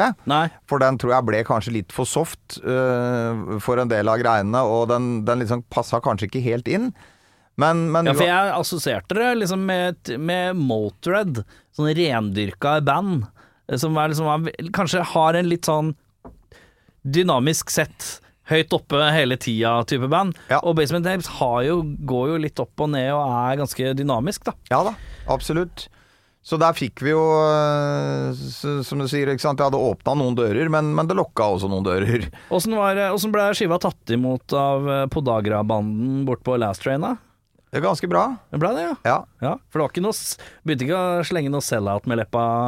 Nei, her var det ikke så veldig mye snakk om sell-out. Her var det vel egentlig bare snakk om at vi begynte å selge. Ja, ikke sant? Ikke sant? Så fra at man nesten ikke hadde vært inne på VG-lista til at vi gikk på Vi gikk da selvfølgelig ikke nummer én på VG-lista, men til nummer to. Mm. Eh, akkurat samme gjorde vi på albumet som kom etterpå. Altså ikke nummer én, men nummer to. Men altså, det er jo et tegn på at da er det en del folk som i hvert fall har, eh, har satt uh, fokuset sitt på, på bandet. Mm. Eh, og og vi, vi turnerte jo masse, selvfølgelig, som vi alltid hadde, hadde gjort. Og, og gjorde jo unna en hel haug av ting på, på Basement Tape, som vi kom oss da ikke til USA. Der stoppa liksom greia. Og, det, og grunnen til at jeg nevner det igjen, er fordi at jeg, jeg var så jævlig bitter for det. Fordi at i USA, det var liksom det stedet hvor jeg syntes det var absolutt morsomst å turnere. Det var litt Ja. mer eksotisk. Det var litt morsommere fordi at nedover i Europa så er det faktisk et språkproblem. Altså selv Ja. i dag, altså generasjonene som vokser opp der nå er nok bedre. Men, men det er veldig mange, ikke sant. Altså Hvis du har et kjempepublikum i Spania da, som er dødsentusiastiske og dritkule, Ja. så kan du ikke stikke og snakke med dem etterpå. Det er ikke Nei. sånn, Du kan ikke dra noen jokes. altså Det er på et veldig primalt nivå i forhold Ja. til eh, kommunikasjon og sånne ting. Ja. Det, det syns jeg var så jævla gøy i USA. At du møtte kule folk som var morsomme å snakke med. Du, du så ting du ikke hadde sett før. Ja, for da må før. du etterstrebe språket bare. Og det er, funker, for vi nordmenn kan engelsk. Ja. Så, så, så det tok vekk litt av kanskje det der veldig sånn moroaspektet ved, Ja. å, ved å turnere, da. Ja. Så det er øh, Var det noe som løsna opp gjennom Glue sin greie, eller er, ble, er det liksom fortsatt litt sånn den sånn irriterende lille sånn tingen som ikke blei Nei, i hvert fall, Jeg vet ikke hvor mye tid de andre bruker på å tenke på det, men for meg så er det en skikkelig skikkelig irriterende ting. For Ja. jeg veit at hvis vi hadde gjennomført det vi skulle gjennomføre, Ja. så hadde vår posisjon i, USA vært helt annerledes. Ja. Der hadde vi hatt et, eh, et bra publikum. Vi kunne dratt og gjort kule ting og, og på en måte fått sett USA, opplevd USA mange ganger på forskjellige nivåer. da. Mm. Og det er jo på en måte Når du spiller rock, så er jo, er jo drømmen å breake USA.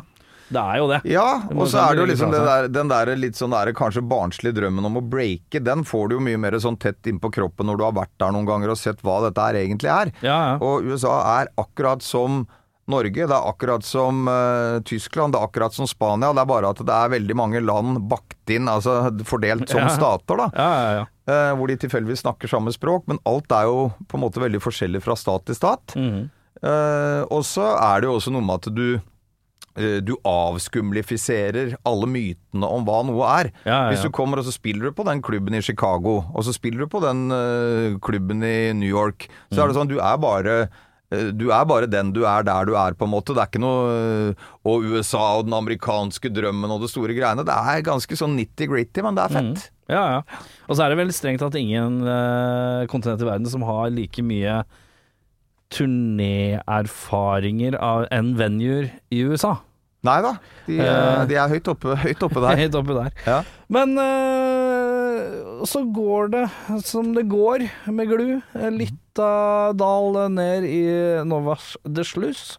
Eh, kanskje ikke alle som var fryktelig ivrige på at det skulle bli slutt, men noen mer enn andre. Og så blir det pause i noen år. Du starter opp et nytt band, Mm. Bloodlights. Mhm. Eh, hva, hvordan er det hvor, hvor heavy er det å starte på nytt? Eh, mye mer heavy enn jeg hadde trodd. Ja. Ja. Hvordan eh, fikk du Jeg, inni mitt stille sinn Jeg har jo snakka litt med deg før om dette her i en annen kontekst, men eh, hvordan du våkner opp første dagen Første morgenen etter at du veit at Glu er Nå er det sluss. Siste eh, goodbye Siste farewell uh, to the Kings-runden er ferdig. Mm. Du våkner opp. Hvor er du, hvor er du da, sinnsmessig?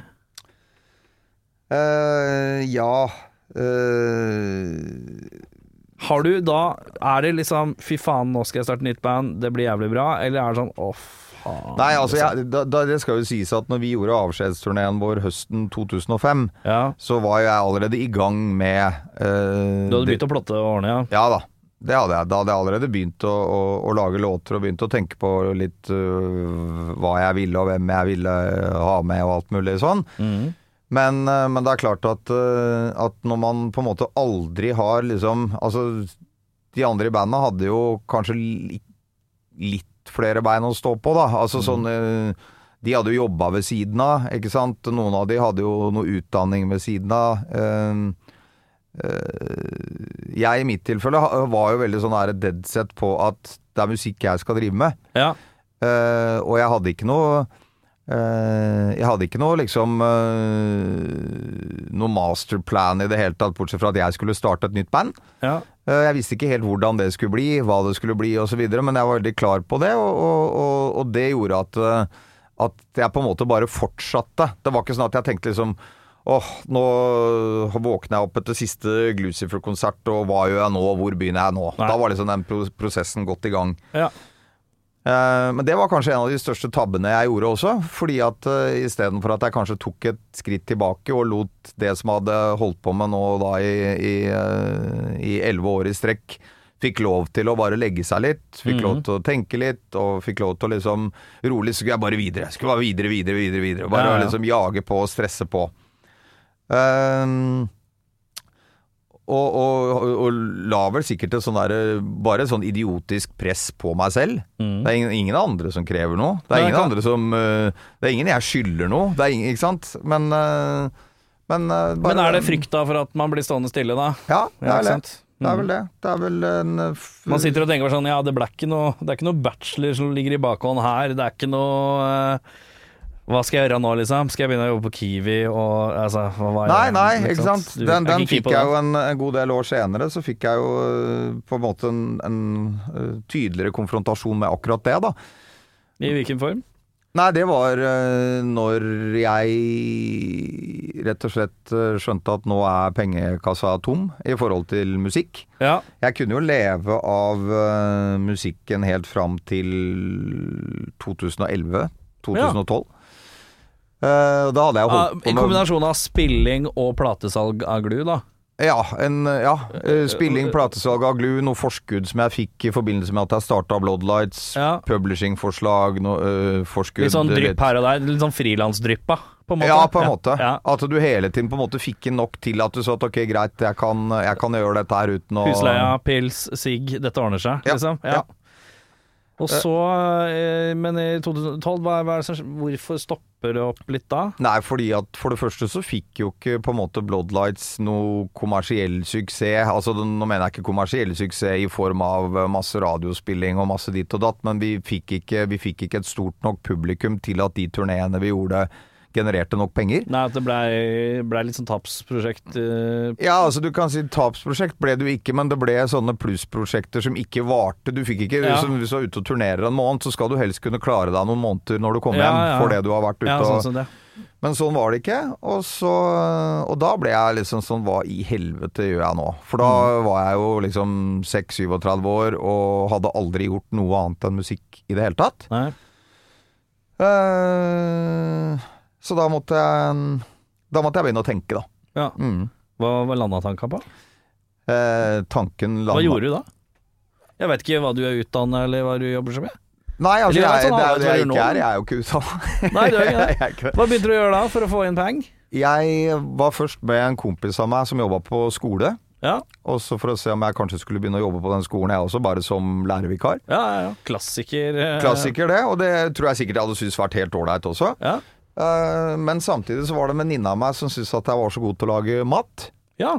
Eh, så hun hen, Selskapet hun jobba for, de hadde blitt tilbudt å overta eh, kantina hos Christian Ringnes sitt eiendomsselskap. ja. Og så var den jobben litt for liten for dem i forhold til antall folk og sånne ting. Så Ja. hun ringte meg, og så sa hun du, kan ikke du stikke på et intervju, de trenger bla, bla, bla. Så Hvordan kjennes alt dette ut da? Det må jo være rart å være 36 og så plutselig bare sånn her Faen, skal jeg begynne å jobbe på kjøkken? Dette var ikke Det var ikke sånn det skulle bli. Nei. Er det, Det, men, men samtidig så er det jo sånn derre ja, fy faen, det er bedre. Nå har jeg prøvd å søke jobber i seks måneder, det er ikke en dritt å finne. For jeg Nei, har ikke noen papirer, så nå må jeg ta det jeg får-aktig. Ja, men altså, jeg, jeg, skal ikke, jeg skal ikke på en måte klage på, på det greiene i det hele tatt. For at en ting som jeg alltid har hatt en sånn her veldig eh, veldig stolthetsgreie på. Jeg, ikke, jeg har aldri vært hypp på å være han der blakke musikeren som spør om å få bomme en øl. Jeg har aldri vært han blakke musikeren som sier at nei, herregud, jeg er jo bare en fattig musiker. Ikke sant? Jeg har aldri hatt det der i meg i det hele Nei. tatt. Jeg er veldig sånn på at jeg skal klare meg sjæl. Jeg skal aldri spørre noen om noe. Jeg skal aldri skylde noen noe. Nei. Eh, så så det, det er nesten et litt sånn der overlevelsesinstinkt som er at ok, nå ser jeg at den bankkontoen som jeg har kunnet benytte meg av i forhold til å drive med musikk, Ja. nå begynner den å ebbe ut. Nå må jeg begynne å Brette opp arma. brette opp arma og, og, og ta et tak. Mm. Og så fikk jeg den jobben. Og så har jeg delt den sammen med andre folk som har drevet med musikk også, sånn at man alltid kunne dra av gårde og gjort det man har skullet i musikksammenheng. Eller så Ja. har man da eh, lagd mat da, til de 30-40 ansatte i den bedriften, og kunnet lage akkurat hva faen man vil. Ja, ja. Eh, og den dag i dag, hvor jeg egentlig hadde klart meg helt fint uten den jobben, så har jeg den ennå. Fordi at jeg du det? det? Ja. Ja, det er koselig. Mm. Eh, Blood Lights, uh, der har det vært rolig. ja. Er det jeg har ikke hørt noe siden 2018 eller sånn, tror jeg. Nei, det stemmer det. Det var jo en Hva skal man si? Hva skal man si? Hell i uhell. Altså, vi hadde jo litt sånn interne problemer i, i det bandet, særlig med en person som etter hvert ikke ble så veldig til å stole på, så vi måtte avlyse masse konserter og, og gjøre en del ting i 2018 som, eh, som ikke var noe kult. Nei. Eh, 2018 var jo også det akkurat det samme året som Glucifer gjorde sine første eh, gjenforeningskonserter. Ja. Så for meg så blei det litt sånn at nå syns jeg at den steinen i skoa som har på en måte fått herje litt Altså Bloodlights var et band man dreiv på med fordi at det skulle være gøy, ikke fordi at man tjente penger og var noe avhengig av den Nei. biten da etter hvert. Ja. Eh, nå syns jeg ikke det er noe gøy lenger, så nå tror jeg det bare sakte, men sikkert kan få lov til å fade ut på sidelinja. Mm. Og det har jeg ikke akkurat angra noe særlig på. Nei. Nei. Uh, har jo liksom sett på det i alle år som litt, litt sånn soloprosjekt, da. Ja. Uh, selv om det har vært en ren bandinstans. Men det er jo når man har en viss kjennskap til deg som låtskriver, så skjønner man jo litt Og der, du stelte jo foran mikken og, og kjørte frontmannposisjonen i tillegg. Mm. Eh, så, så jeg ser jo på det som litt, litt sånn soloprosjekt. Så hvis det hadde starta opp neste år igjen med en ny plate, med ny bemanning, så hadde jeg på en måte ikke reagert så mye, tror jeg. Nei, nei. Så du har det, du har jo det i bakhånd Ja, ja. Eh, når du måtte føle for det igjen, da. Ja. Men nå er det glu, eh, glu, glu litt her og glu litt der. Ja. Eh, hadde jo Biff innom her i fjor. Eh, prøvde jo å grille, selvfølgelig. Det må jo grilles. Hva, hva er planen? Er det noe mer plan? Eller er det vi er gamle gubber som skal kose oss og spille rock i ny og ne? Eller Mm. er det noe mer uh, på tapeten? Du ser Ja. undrende ut i rommet. Ja, jeg, jeg er litt undrende, for jeg er litt undrende i forhold til, i forhold til hele greia, fordi at Er du nå- litt undrende selv på situasjonen? Eh, Ja. Ja, på en måte så er jo det. Jeg hadde vært det. Ja. Skal jeg være helt ærlig, så er det sånn her ok, hvis, hvis dealen er sånn som jeg har fått følelsen av mm. det, Nå er det mulig jeg tar feil, men min følelse er uh, Man har gått med at man skal spille noen konserter her og der, ta litt, uh, ta litt kule jobber litt rundt omkring, men at det skal ikke bli turnéjag og, og mas og for mye for, Det skal ikke ta opp for mye, for, all, for de fleste har veldig mye annet å bedrive. Ja. Eh, og så vet jo dere solklart at alle som liker Glu, vil at dere skal lage plate igjen. Mm. Det veit vi. Det veit jo alle. Det er jo ikke, det er ikke noe å stikke under. Alle vil jo at dere skal spille mer. Men så er det jo ikke Jeg vet ikke om dere har en slags avtale på hva som skal og ikke skal gjøres. Jeg regner med at det er noe sånt ute og går. Men hva, hva er det Ulmer det noe interesse for låtskriving? Nå som dere har hatt en del eh, giger her og der? Liksom motoren ruller Motoren er jo i gang. Eh, det, dere råfreser ikke gjennom landet, men det er noe rolig lene seg tilbake og kjøre. Og når man sitter Ja. i bilen igjen, får man ikke lyst til å gasse på litt?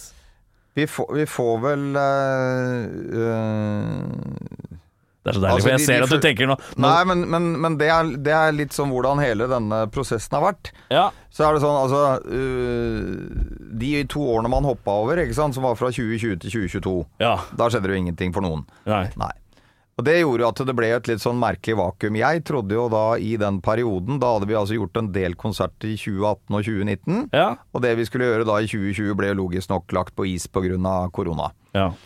Eh, og da trodde jo jeg at i den perioden, som da ble ganske lang, mm. uh, uh, hvor vi da til og med når vi skulle gjøre noen konserter som vi ikke fikk gjort under korona, skulle vi gjøre etter, og så ble de avlyst pga. Av treigheten i hele markedet nedover i Europa var helt uh, håpløs osv. Så, videre. så da trodde jeg at dette ville fade av. Ja. Ja. Da trodde jeg at, at nå tror jeg ikke folk gidder mer. Ja. Jeg har vondt for å tro at det er liksom noe flamme som brenner der som er sterk nok til at uh, man har liksom lyst. Og så viser det seg at den flammen var mye sterkere enn det jeg uh, hadde gått og trodd Ja. eh, på egen hånd. For er på en måte dere, tr dere tråkka liksom ut i dammen relativt forsiktig på et vis. Eh, spilte en festival i utlandet, og så det, har det jo vært litt rundt omkring. Og, og, uh, og jeg husker veldig godt Sentrum Scene-konserten. Jeg var på den første kvelden, men det var, jeg husker hvor mange kvelder var det? Fire? Fire, fire kvelder. Fire Ja. kvelder, ikke sant. Eh, som på den tida var sånn Og så kom Kaiser, så flytta inn i fire måneder. Ja, men de lot jo bare gå inflasjon i konseptet, ikke sant. Det er jo liksom noe helt, eh, noe helt annet. Men, eh, men, eh, men ja, og så har det liksom på en måte Så tenkte jo jeg etter at de Så tenkte jeg nå skjer det enten at det fader helt, Mm. eller så pumper det opp. Men det har fortsatt vært på den der litt sånn her og der-aktig følelsen. Ja, du kan si nå, nå i høst eksempel, så var vi og gjorde eh, våre første konserter i Sverige etter at vi ble gjenforent. Ja.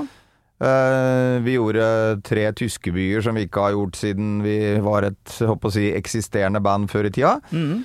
Uh, og da er det jo altså den mottagelsen som vi får, er rett og slett sånn at ikke da at vi har lave forventninger, men Nei.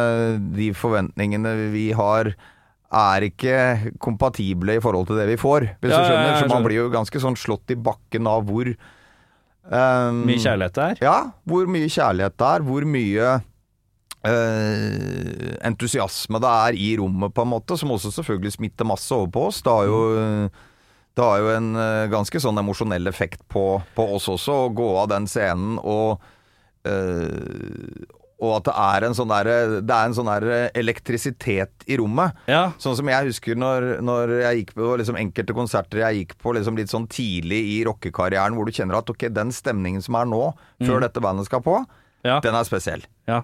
Og den stemningen, den er i rommet før vi skal på. ja.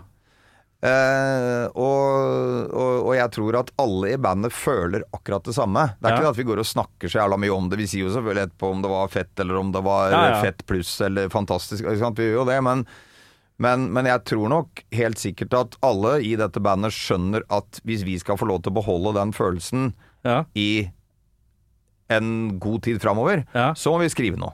Ja. Ikke sant? Ja. Så det er et valg man bare må ta. da Ønsker man å på en måte beholde dette i livet sitt som en fet, fet bonus i livet? Jeg ser på det som en eh, på en bonus, først og fremst, og jeg syns det er en velfortjent bonus. Jeg syns vi lagde jævla fete ting, og jeg syns istedenfor at vi var et band som ga oss når vi hadde gitt ut to slappe skiver og egentlig var tomme for bensin, Ja, ja. så ga vi oss når den tanken var ordentlig, ordentlig, ordentlig potent og full. Ja, ja, ja. Eh, og så ble det som det ble, og det var jo noen syntes det var helt greit, andre syntes det var eh, kjipt. Mm. Eh, men nå får vi jo noe igjen for det momentet vi hadde når vi ga oss, og det kjenner vi på. Det kjenner vi på alle sammen, og jeg tror eh, eh, jeg, har, jeg er vanskelig for å tro at det er noen andre som har en helt ulik oppfatning av det enn meg. Nei, nei. Men, men så får man på et eller annet eh, tidspunkt, kanskje om ikke så altfor lenge, sette seg ned og, og snakke om hva, hva skal man gjøre, da. For vi planlegger jo alltid ting bare år for år. Ja. Vi planlegger ting liksom i november-desember. Ok, hva skal vi gjøre i 2024? Ja. Ikke sant? Og så vi, ja. Mm. Så, så jeg kan ikke være mer eh, unn, unnvikende i svaret, men jeg, kan, men jeg kan heller ikke være tydeligere Nei. i forhold til at eh, det trengs hvis vi skal kunne fortsette å ha det så fett som vi har det med det vi gjør. Ja. Ja. Det er litt som dere har funnet Dere liksom eh, For å fortsette å ha det forholdet dere har til For dere er på et så jævla behagelig sted. Eh, som jeg ser for meg liksom er kompromisset, men også som gjør det da at på en måte At man ikke spiller hver måned. Eller hver uke. Mm. Når, så når man først spiller igjen, så er det jo må jo være massiv glede, glede Følelsen. Ja. Fordi at man blir jo litt avhengig av publikum etter hvert, den følelsen. Men når man får det i sånn dypp, så kjennes det kanskje sterkere ut individuelt, da. Mm, mm. Nei, det krysser jo fingra for det. Jeg må Ja. innrømme at uh, du snakka om uh, litt sånn det å bli emosjonell og litt sånn. Det er sånn Jeg husker jo uh, da jeg så dere på Stensrup Scene eh, Jeg var jo en av de idiotene som dro liksom ikke så mye på konserter før. Så jeg fikk jo aldri sett dere. Nei, nei. Så jeg sto jo og grein, ikke sant. Mhm. Og så står kompisen min ved siden av. Griner du? Så sier jeg fuck you, sier jeg. Men skal sies jeg er blitt en ganske emosjonell mann, for nå begynner jeg å grine av filmer. Og jeg, jo eldre jeg blir, mer griner jeg. Jeg har lært. Begynte å bli en sånn grinegubbe. Eh, men eh, jeg er stolt av mine følelser. Ja. Og fuck y'all. Eh, men fantastisk. Men jeg krysser jo selvfølgelig fingra for at, vi, at noe skrives. Det har vært så gøy å se hva som kommer ut av dere etter all livserfaringa dere har nå. Ja. Og alle rundene og, og sånn. Det har vært spennende å se.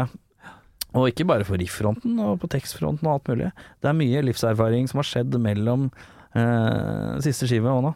Være seg om det kommer en singel EP eller skive. Ja.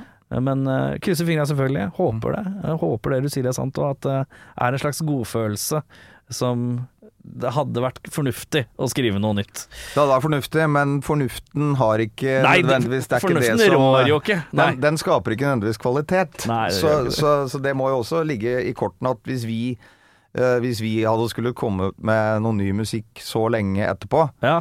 så måtte vi vite med 110 sikkerhet Ja. at dette her var så fuckings bra at det var verdt å gjøre det. Ja, ja. Ikke sant? Så, så det er en greie der også at jo, herregud, du kunne jo bare laga noe musikk og Det er ikke sånn, det, Hvis det kommer noe fra oss, så skal det være faen så bra. ja. Eh, og da skal vi være faen så sikre på at eh, at, at det er liksom noe, noe poeng, da. ja. Og, og, og det er klart, som jeg sier, den, den praten må man ta på et eller annet tidspunkt om man vil fortsette å gjøre dette her. Mm. Eh, og da får vi se hva som, uh, som kommer ut av det. Hvordan er låtskriverkløa di, da? Uh, det- Den er sterk. Den er sterk, ja. Ja, For det, er, det er jo ikke sant Det er den med Bloodlightsen kunne du hatt på sida og skrevet med, men der har det vært så bekstille. Ja. Så jeg ser for meg at den kløa må være litt sterk. Kløa er, er helt klart sterk.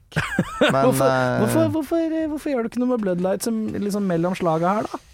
Nei, for at når noe Presser deg opp mot veggen nå? No, nei da, når noe har på en måte gått, uh, gått litt surt, Ja. ikke sant. Altså når du liksom har fått en følelse av at eh, det du gjør liksom er veldig mye pissing i motvind, Ja. så, så er det vel kanskje greit å til slutt bare tenke at ok, det var ikke Da ble det ikke det. Det, det ble ikke det, nei. Mm. Men har du noen tanker eller følelser eller lyst til å ha liksom noe annet sideprosjekt, da? Og i så fall hadde det liksom vært i en pass Hvis, noen, hvis et jævla fett band hadde starta opp med folk du veit er kule, Mm. som spør kan du komme og spille gitar, Kan du si er du tilgjengelig? Ja, det kunne jeg sikkert vært.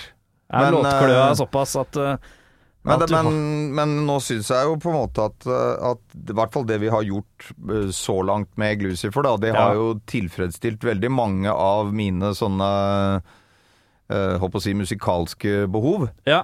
Eh, For én ting er det liksom å skrive musikk og være i den prosessen og alt mulig sånt, men det er også noe eget med at du har funnet tilbake til folk som du har hatt på veldig, veldig lang avstand i veldig, veldig mange år. ja.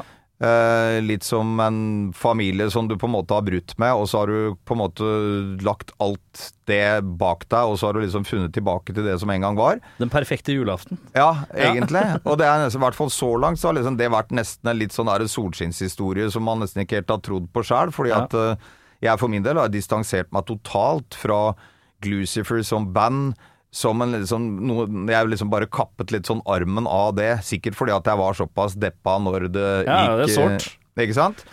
Eh, og så har man da fått lagt mange av de tingene bak seg, og så har man det helt sinnssykt fett sammen med folk som man da eh, på mystisk vis har fått som en sentral del av livet igjen. da. Mm. Så, så det er ikke liksom bare det musikalske, det er liksom flere ting som uh, Du har fått tilbake vennene dine òg, vet du. Ja, ikke sant? Det er det òg. Det, det, det bandfamilie, bandfamilie, da. Ja, det Eh, betyr masse. Så det er uh, It's a beautiful thing, Ja. som de sier. Det syns jeg. Skrenten, åssen går det med Skrenten? Skrenten pizza, det er, Skrenten et- pizza? det er mitt musikalske sideprosjekt. Ja, fy faen. Jeg, jeg, var sånn, jeg husker eh, jeg bodde ved Arups gate, eh, rett ved Gamlebyen, på andre sida av kjerkegård. Og på andre sida av kjerkegården her plutselig åpna et pizzasted. Ja. Og så var det noen som sa til meg For da hadde jeg jobba Jeg har jobba på Vatland, eh, rockebaren og pizzastedet i Oslo. Ja, ja. Så er det sånn her Ja, jeg skal bort og hjelpe til på Skrenten. Det er noe Captain Puno og noe greier. Skal lage pizza Her skal jeg lage pizzas der! Hvor da? Nei, det er på andre siden av kjerkegården. eh, Inni der? Er det pizzas der? Og så eh, bestilte jeg mang en pizza derfra eh, via Foodora, for jeg kan ikke gå for jeg er latt. Men uh, hva, er, hva er din rolle der? Nei, min rolle der jeg, jeg, jeg eier stedet. Ja, Eh, Hvordan fant du at du skulle starte pizzasted? Nei, det var, det var jævla tilfeldig, egentlig. Kona mi hun er daglig leder på Alex Sushi. Ja, Og så var det en av kokkene hennes som uh, var interessert i å starte noe for seg sjøl. ja, og så snakket jeg med han om det. Og da er det fordi at vi bor jo i et hus som er da liksom akkurat 350 meter unna det hjørnet hvor Skrenten Pizza ligger. ja. Eh, og når jeg flytta til det området, så tenkte jeg faen, det er jo ingenting i den, dette området her. Så hvis det på en måte er Det er én litt sånn crap eh, kebabsjappe, husker jeg det Og det er den. Det er der hvor Det, dere har det er der hvor Og jeg var der, derfor jeg sa at hvis det lokalet noensinne blir tilgjengelig, Ja. så skal jeg sjekke om det er noe som man kan gjøre der. Men, og det er sånn klassisk sånn her, det, det, det er sånn man tenker. Man gjør det ikke. Nei. Alle er sånn Faen, fett at en bar eller pizza Noen kult med pizzasjapper. Ingen som tenker ingen, ingen gjør det. Det er, det er en forskjell på folk som gjør ting og de som ikke gjør det. Det er det. Er det. det Eh. er nok mye også av grunnen til at man kom seg dit man kom med Glucifer også, er at man gjør tingene. Ikke Ja, sant? Istedenfor å bare sitte og snakke om det. Ja. Men, eh, men det ble nå i hvert fall til at uh, Det blei ledig. at det blei ledig. Og så fikk jeg da etter hvert tak i de som eide lokalet. Så var da en pakistansk dame på over 70 år som nesten ikke snakka norsk. Nei? Og som skulle ha over en halv million under bordet for at vi skulle overta dette lokalet. Og det var masse, masse styr og greier. Uh, så til slutt så fikk vi, fikk vi en leiekontrakt og eh, fikk overtatt dette på premisser som var uh, forsvarlige. Ja. Og så har de som jeg starta det sammen med, de har trukket seg ut, så nå er det jeg som eier stedet. Ja. Jeg har ikke noe lyst til å la det gå, fordi at eh, jeg bor så nærme sjæl. ja. At jeg har ikke noe lyst til at et eller annet dritt skal åpne i mitt nabolag. Det vil jeg gjerne, så i den grad jeg er i stand til å beholde det, Ja. eh, eh, ha liksom litt på mine premisser, da. ja. Så, så det er egentlig det som har masse å si, for det er liksom den eh, geografiske tilknytninga som, som gjør at jeg kanskje har et hjerte som banker litt sterkere for det stedet enn de jeg hadde det sammen med i starten, da. ja. Mm. Men uh, hvor, er, hvor mye stress er det? Det er, det er en del mentalt stress. Ja. Men det er ikke så jævlig. Altså, jeg trenger ikke å tilbringe så veldig mye tid der. Jeg eier stedet og står jo oppført som daglig leder, så det er min jobb å passe på at det er flinke folk som jobber der. Ja. Uh, at folk gjør det de skal, og at uh, Ja. Ikke sant. Altså de liksom litt sånn administrative tingene. Der må jeg ta litt tak, og i perioder så kan det være en, eh, en liten munnfull å, å, å, holde, å holde styr på. Men, men stort sett så går det jævla bra. Stedet har gått eh, akkurat som jeg hadde trodd og håpa, at, at det har gått bra. For, er For når du starter et sånt sted som er litt sånn i en, et nabolag Du er sånn nabolagssted. Veldig. Eh, veldig. og da er, det, da er det så jævlig hit and miss. Ja. Men nå har du vært der et par år, altså. Ja. Og det, er- men ble det satt opp før pandemien, eller etter? Eh, vi starta tre uker etter at pandemien hadde Ja, det var det òg. Ja. Så jeg har bare tenkt sånn her å, her, her, er det en sånn økonomisk eh, spenning, føler jeg, som jeg hadde slitt med litt eh, underveis. Men går det rundt? Er det sånn du slipper å tenke på det? Går, Ja, altså den biten, den økonomiske biten har vært uh, veldig bra. Å, smooth. For Ja. det er Jeg elsker og støtter sånne nabolagssjapper så jævlig. Ja. Uh, og uh, pizzaen her er jævlig god. Eh, så eh, det, det er godt å høre. Ja, det er bra. For alle som bor eh, i nærheten av Eikeberg eller Gamlebyen, er det bare å komme seg innom der hvis du ikke har vært der. Uh, kjør Hva heter den? Heter den Skipperen? Nei, dere har et annet navn, dere kanskje? Kapteinen er en som heter ja. Kjør på den. Den, den kan jeg tipse om, i hvert fall. Den er jævlig god. Utenom det, så er det selvfølgelig er det noe, Hvor er det for sett glu i åra? da? Som har blitt annonsert? I år så veit jeg ikke hvor vi blir å se helt så langt, bortsett fra på Tons of Rock. Som vi gleder oss eh, stort til. Der skal vi spille på fredagen på Tons of Rock. Ja. Så det er jo en eh, helt eh, fantastisk fet festival blitt, som vi gleder oss som faen til å Dere spilte på Tons på Ikke i fjor, men forfjor. Nei, vi spilte der før pandemien. Før så det er, kan du se åssen hjernen funker. Men det var første året var på Ekeberg? Ja. ja. Ja. Og da husker jeg, men da husker jeg det var, virka som lyden var litt pesete. Eh, Eller jeg syns i hvert fall det hørtes ut som det var noe skrull med lyden. Det Ja, det vet ikke jeg, for jeg sto ikke der. Jeg Nei. så bare så, så på et eh, svært uh, folkehav som tilsynelatende hadde det veldig kult. Ja, folk hadde det fett. Ja. Men det hørtes ut som det var et eller annet som var litt sånn skeivt med lyden. Så jeg håper på at det blir enda bedre Ja, det må vi, Hvis det var noe skeivt med lyden der, så det er ikke samme person som skal gjøre det denne gangen. Nei, det går nok sikkert bra. Men uh, det er selvfølgelig bare å følge med på Glucifer eh, i alle sosiale mediegreier, sånn så får du ser hvor tunne datoer og spillesteder og alt mulig. Og så er det selvfølgelig å gå og høre på gammel Bloodlights, da. Det er hyggelig, det. Gjør det. Mm. Og så er det bare å gå og spise pizza på uh, Skrenten. Eh, kan også bestille kan, Er ikke via Foodora òg?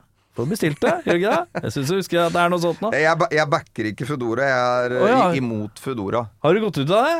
Ja, ja. Nei, nei, vi er der ennå, men jeg, er imot det allikevel. Nei, kom og, kom og hent. Kom de, de, de, de tar 35% av alle salg. så Gjør de det? Ja. Oi, det er mye! Ja. Satan. Så hvis du vil støtte de lokale uh, sjappene, Ja, så kom. ikke bruk Foodora. Si. dra og sett deg og et på skrenten. Uh, og eh, er det noe mer, da? Er det noe mer? Skal vi plugge noe annet? Nei, jeg syns du har plugga veldig bra. Ja, men da er det nydelig. Skamløst og Ja, men det er ikke noe vits å la Det verste jeg veit, det er når folk skal plugge ting, og så skal de prøve å late som det ikke er bare fronten center. Ja, ja, Bare kjør rett på. Det er mye dette, lettere. er, dette er bra. Mm. Takk for besøket. Jo, takk for meg. Du har hørt en podkast fra Podplay. En enklere måte å høre podkast på. Last ned appen Podplay, eller se podplay.no.